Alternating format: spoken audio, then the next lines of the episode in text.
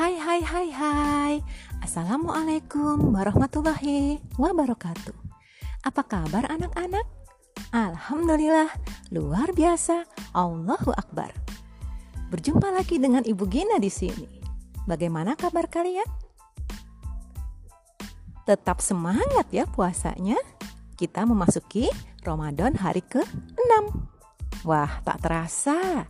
Besok sudah seminggu saja kita berpuasa. Siapa yang sudah batal puasanya? Karena marah-marah misalnya, atau karena merengek-rengek ke mama minta makan.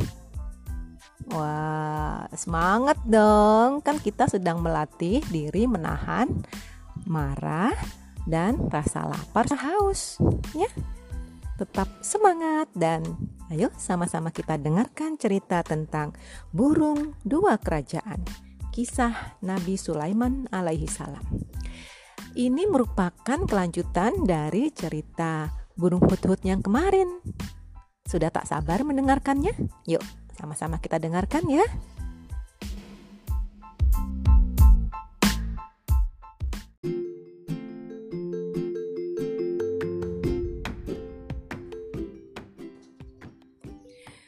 Hut-hut adalah burung yang rajin.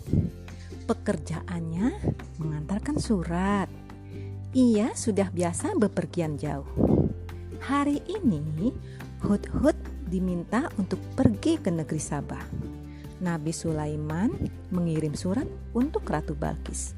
Asik, aku bisa jalan-jalan jauh, melihat-lihat pemandangan. Aku mau pergi ke arah selatan, ujar Hud-Hud. Ia pun terbang menuju ke arah selatan tempat kerajaan Sabah berada. Ia sudah hafal jalan menuju ke sana. Tak lama kemudian, Hud-Hud telah sampai di negeri Sabah. Ia segera menuju istana Ratu Balkis. Ia harus menyampaikan surat Nabi Sulaiman, sebab tugas itu adalah amanah. Amanah harus disampaikan. Wah, mana ya Ratu Balkis? Surat ini harus sampai nih, ujar Hud-Hud. Hud-Hud pun mulai masuk ke istana kerajaan. Ia terbang mendekati istana.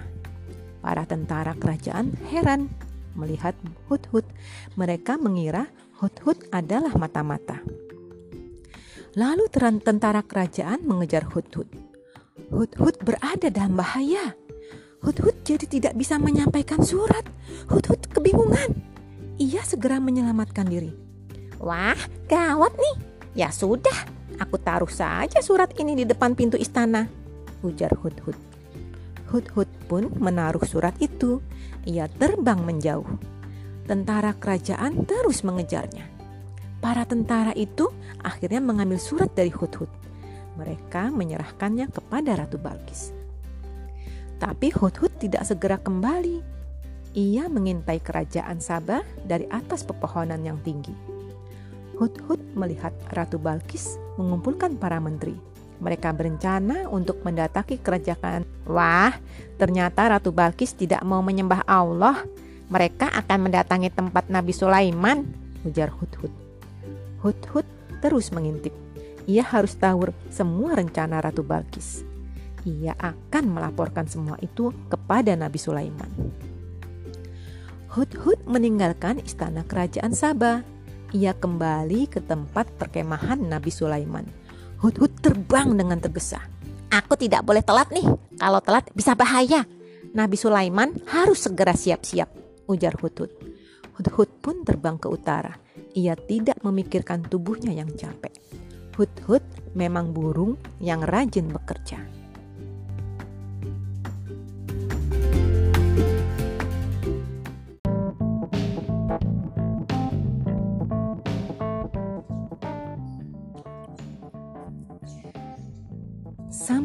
Perkemahan Nabi Sulaiman, Hudhud segera melapor. Nabi Sulaiman mendengarkan semua penjelasan Hudhud. Ia dan tentara kembali ke kerajaan. Ia bersiap untuk menyambut rombongan Ratu Balkis. Nabi Sulaiman pun tak lupa memberikan hadiah kepada Hudhud sebagai ucapan terima kasih. Hudhud mendapat makanan enak.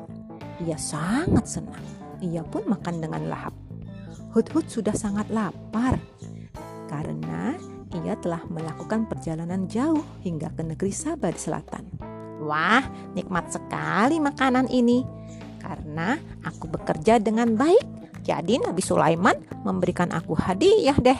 Alhamdulillah, terima kasih Nabi Sulaiman, ujar Hudhud.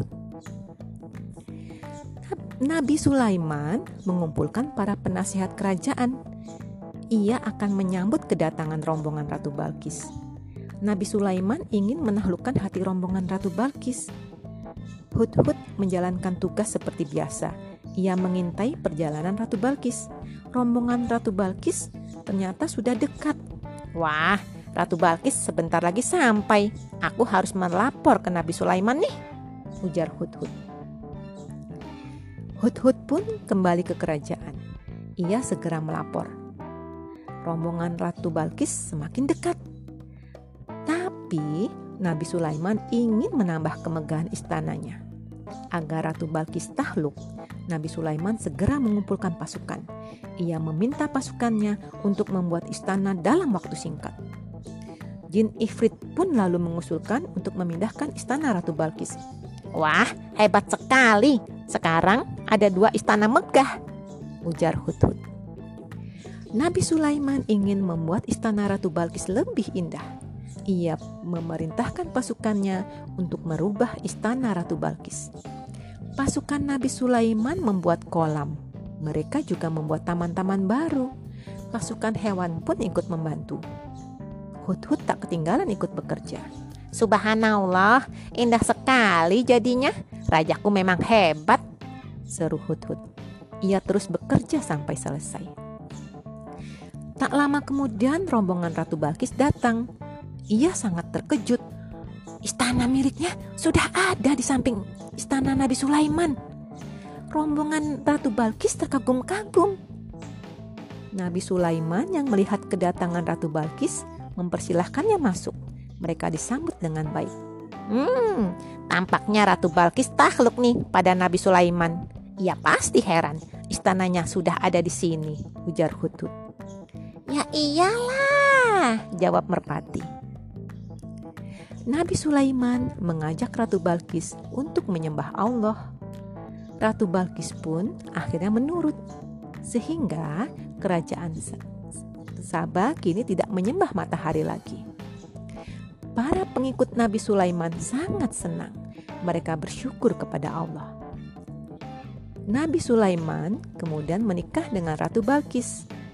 Dua kerajaan itu kini bersatu semua berkat jasa si burung dua kerajaan, yaitu Hudhud.